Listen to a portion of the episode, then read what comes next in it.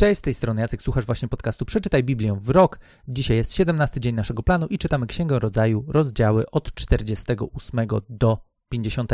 I tak naprawdę dzisiaj kończymy też już Księgę Rodzaju, więc jeżeli czytasz Biblię z nami od początku roku, jeżeli podjąłeś to wyzwanie, to dzisiaj jest pierwszy krok milowy. Jest tak naprawdę dzień, kiedy kończymy pierwszą księgę, którą przeczytaliśmy od samego początku do samego końca. Ale nawet jeżeli nie przeczytałeś jej w całości, ale próbujesz śledzić to, co dzieje się w historii, część tych historii pewnie też znaliście mimo wszystko, to chciałbym, żebyście pamiętali o tym, że w każdym momencie można dołączyć do planu, można podjąć wyzwanie, można zacząć trochę później i tak naprawdę dzięki e, może podcastom i zapoznaniu się z materiałami, którymi dzielimy się na grupie na Facebooku bibliawrok.pl, zostaniecie przekierowani do grupy na Facebooku.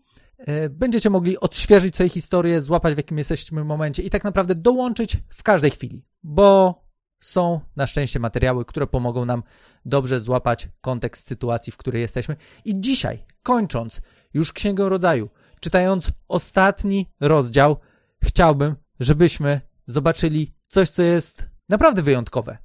To jest świetne i jak bardzo pokazuje to, jak my, jako ludzie, funkcjonujemy. Historia jest taka. Jakub, nazwany później Izraelem, umiera. Zostają jego dzieci, zostają jego synowie w Egipcie, gdzie udało się ich sprowadzić za sprawą Józefa, ich brata, którego wcześniej e, sprzedali w niewolę. Jeszcze wcześniej chcąc go najzwyczajniej w świecie zabić. E, myśleli, że chłop nie żyje, okazało się, że żyje, uratował całą rodzinę. No ale teraz problem jest taki, że tak jak rozmawialiśmy też, no te relacje między braćmi nie były jakoś szczególnie proste, tym bardziej po takim numerze, jak, jaki starsi bracia wycięli w stosunku do Józefa. I trochę uzasadnione jest to, że kiedy zmarł ojciec, to starszemu rodzeństwu mm, było trochę ciężko ogarnąć sytuację, w której teraz się znaleźli. Bo dopóki żył ojciec, mieli poczucie, że okej, okay, dobra, brat raczej nic nam nie zrobi. No ale teraz nie ma ojca i czytamy taką historię pod koniec 50 rozdziału od wersetu 15. Bracia Józefa zdają sobie sprawę z tego, że ojciec ich nie żyje. Myśleli, na pewno Józef będzie nas teraz prześladował i odpłaci nam za wszystkie krzywdy, które mu wyrządziliśmy. To też kazali Józefowi powiedzieć, ojciec twój dał przed śmiercią takie polecenie. Powiedzcie Józefowi tak, racz przebaczyć braciom twym wykroczenie i winę ich, wyrządzili ci bowiem krzywdę. Teraz przeto daruj łaskawie winę nam, którzy czcimy Boga twojego ojca. Józef rozpłakał się, gdy mu to powtórzono. Wtedy bracia już sami poszli do Józefa i upatrzy przed nim, rzekli, jesteśmy twoimi niewolnikami. Lecz Józef powiedział do, do, nich, nie bójcie się, czyż ja jestem na miejscu Boga. Wy niegdyś knuliście zło przeciwko mnie. Bóg jednak zamierzył to jako dobro, żeby sprawić to, co jest dzisiaj, że przeżył wielki naród. Teraz więc nie bójcie się, będę żywił was i dzieci wasze i takich pocieszał, przemawiając do nich serdecznie. Często jest tak, że jako ludzie, którzy może nawet w niektórych momentach swojego życia e, chcielibyśmy bardziej zbliżyć się do Boga, myślimy sobie, matko, ale przecież co ja zrobiłem w życiu? Przecież Bóg to wszystko wie. Przecież nawet jeżeli chciałbym przyjść do Boga, no to jak? No z czym? Przecież On zna moją historię. I tutaj historia jest dokładnie taka sama. Bracia nagle się połapali. Dobra, póki jeszcze żył ojciec, to byliśmy chronieni. Ale teraz mamy przerąbane, bo nie ma ojca. I Prawdopodobnie Józef będzie chciał się na nas zemścić, bo rozumieli powagę tego, co oni zrobili swojemu bratu.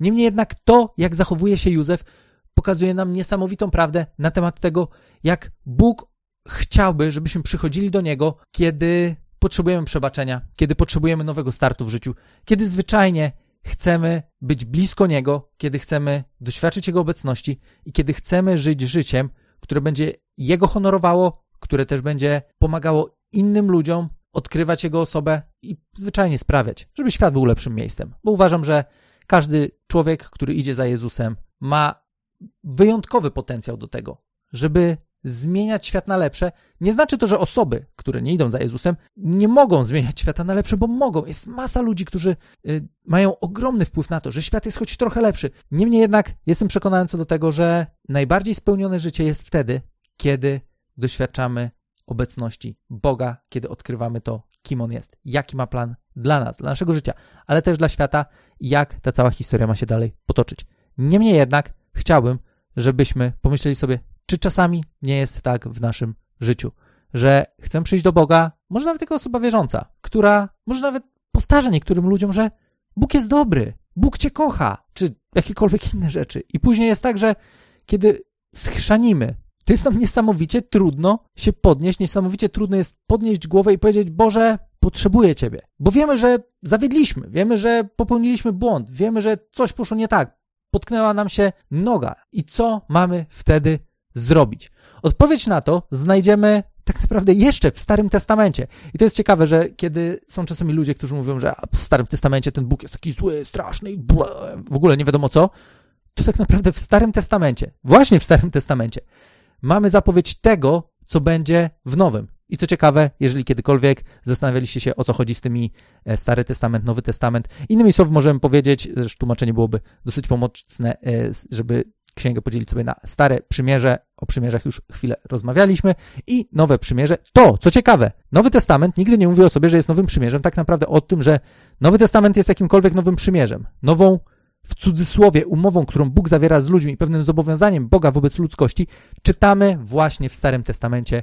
I chciałbym, żebyśmy zwrócili uwagę na jeden piękny fragment z księgi Jeremiasza z 31 rozdziału. I od 31 wersetu czytamy takie słowa. Oto nadchodzą dni, wyrocznia Pana, kiedy zawrę z domem Izraela i z domem ludzkim nowe przymierze. Nie jak przymierze, które zawarłem z ich przodkami, kiedy ująłem ich za rękę, by wyprowadzić z ziemi egipskiej.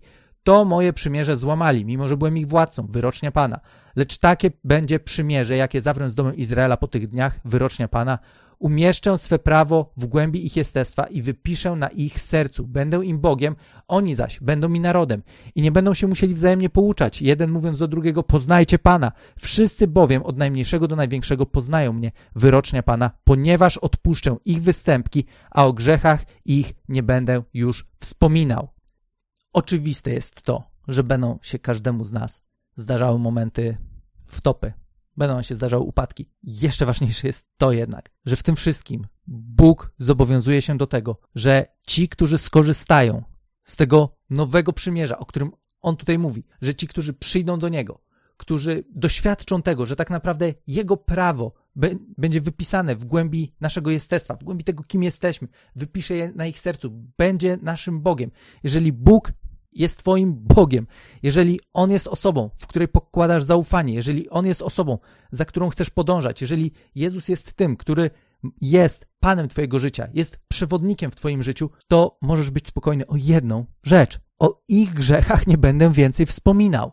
Nie ma potrzeby, żebyśmy wracali do tego, co się wydarzyło. Jeżeli zdarzy nam się popełnić błąd, możemy doświadczyć przebaczenia i nie musimy rozpamiętywać tego, co się wydarzyło. Nie musimy wracać do historii, które może jeszcze gdzieś tkwią w naszej głowie, które są dla nas jakimś obciążeniem, bo Bóg sam zobowiązuje się do tego, że o ich grzechach nie będzie więcej wspominał. I dokładnie taka historia wydarzyła się, kiedy dzisiaj czytaliśmy historię Józefa i jego braci, kiedy jego bracia przyszli do niego i, powiedzieli, i zaczęli się tłumaczyć i w ogóle zrobili tą całą szopkę z tym, że wiecie, powiedzcie, że ojciec tak powiedział, po prostu to złamało serce Józefa. On w ogóle się rozpłakał. Mówi, chłopaki, ale zapomnijcie o tym. Patrzcie na to, że Bóg nas wyratował. Patrzcie na to, że pomimo tego, że chcieliście zrobić totalny, totalny gnój w moim życiu, to udało się to, co wy zamierzaliście, jako największe zło przeciwko mnie, przekuć w coś, co jest ratunkiem dla całego narodu. To jest to, w jaki sposób Bóg z perspektywy Biblii patrzy na nasze życie, w jaki sposób chce widzieć nasze życie. Chce, żebyśmy mogli do niego przychodzić z zaufaniem, z odwagą w momencie, kiedy jesteśmy tymi, którzy mówią, że Boże, Ty bądź Bogiem mojego życia. Ja chcę być, chcę być Twój, chcę należeć do Ciebie, chcę iść za Tobą, chcę naśladować Jezusa. Jeżeli taką decyzję podejmujemy w swoim życiu, jeżeli pozwalamy sobie na to, żeby tak jak wcześniej też rozmawialiśmy, doświadczyć tego, czego doświadczyli tak naprawdę bracia wcześniej, doświadczyć pokuty, odwrócić się od swojego życia, odwrócić się od tego, co jest nie tak w naszym życiu i iść jedynie za Jezusem, Jego naśladując, to możemy być spokojni o to, że Bóg dotrzyma słowa, bo to jest coś, o czym czytamy przez całą Księgę Rodzaju i będziemy o tym czytać dalej w Biblii.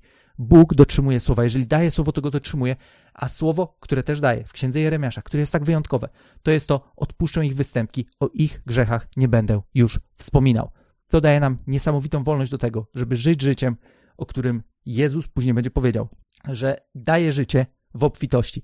Życie w obfitości polega na tym, że możemy żyć absolutnie spełnionym życiem, które nie jest spełnieniem tylko dla nas, ale jeszcze bardziej dla ludzi, których spotykamy każdego dnia. Tego życzę każdemu z nas. Wielkie dzięki, że jesteście z nami. Dzięki, że wytrwaliście. Mam nadzieję, że udało Wam się przeczytać Księgę Rodzaju od początku do końca. Przed nami kolejne cztery księgi z pięcioksięgu, tudzież tory. Nie będzie to koniecznie prosta lektura, ale zrobię co w mojej mocy, żebyśmy jak najlepiej zrozumieli to, co tam się dzieje, pomimo tego, że czasami będzie może ciężko nam czytać o różnych historiach, które tam się będą wydarzały. Mam nadzieję, że docenimy to, jak wyjątkową księgą jest Biblia, pomimo tego, że czasami może nam się wydawać być niezrozumiała. Raz jeszcze dzięki. Jeżeli mielibyście dodatkowe pytania, zapraszamy na grupę na Facebooku, wejdźcie na stronę bibliawrok.pl. Zostaniecie przekierowani do grupy na Facebooku, tam możemy sobie dalej rozmawiać, możecie zadawać dodatkowe pytania, możemy sobie dyskutować i pomagać sobie w tym, żeby odkrywać Biblię, żeby ta Biblia była dla nas jeszcze bardziej bliska i żeby zwyczajnie dzięki Biblii stawiać kolejne kroki wiary. Bez względu na to, na jakiej drodze wiary każdy z nas nie jest. Do usłyszenia w następnym odcinku i już jutro startujemy z Księgą Wyjścia.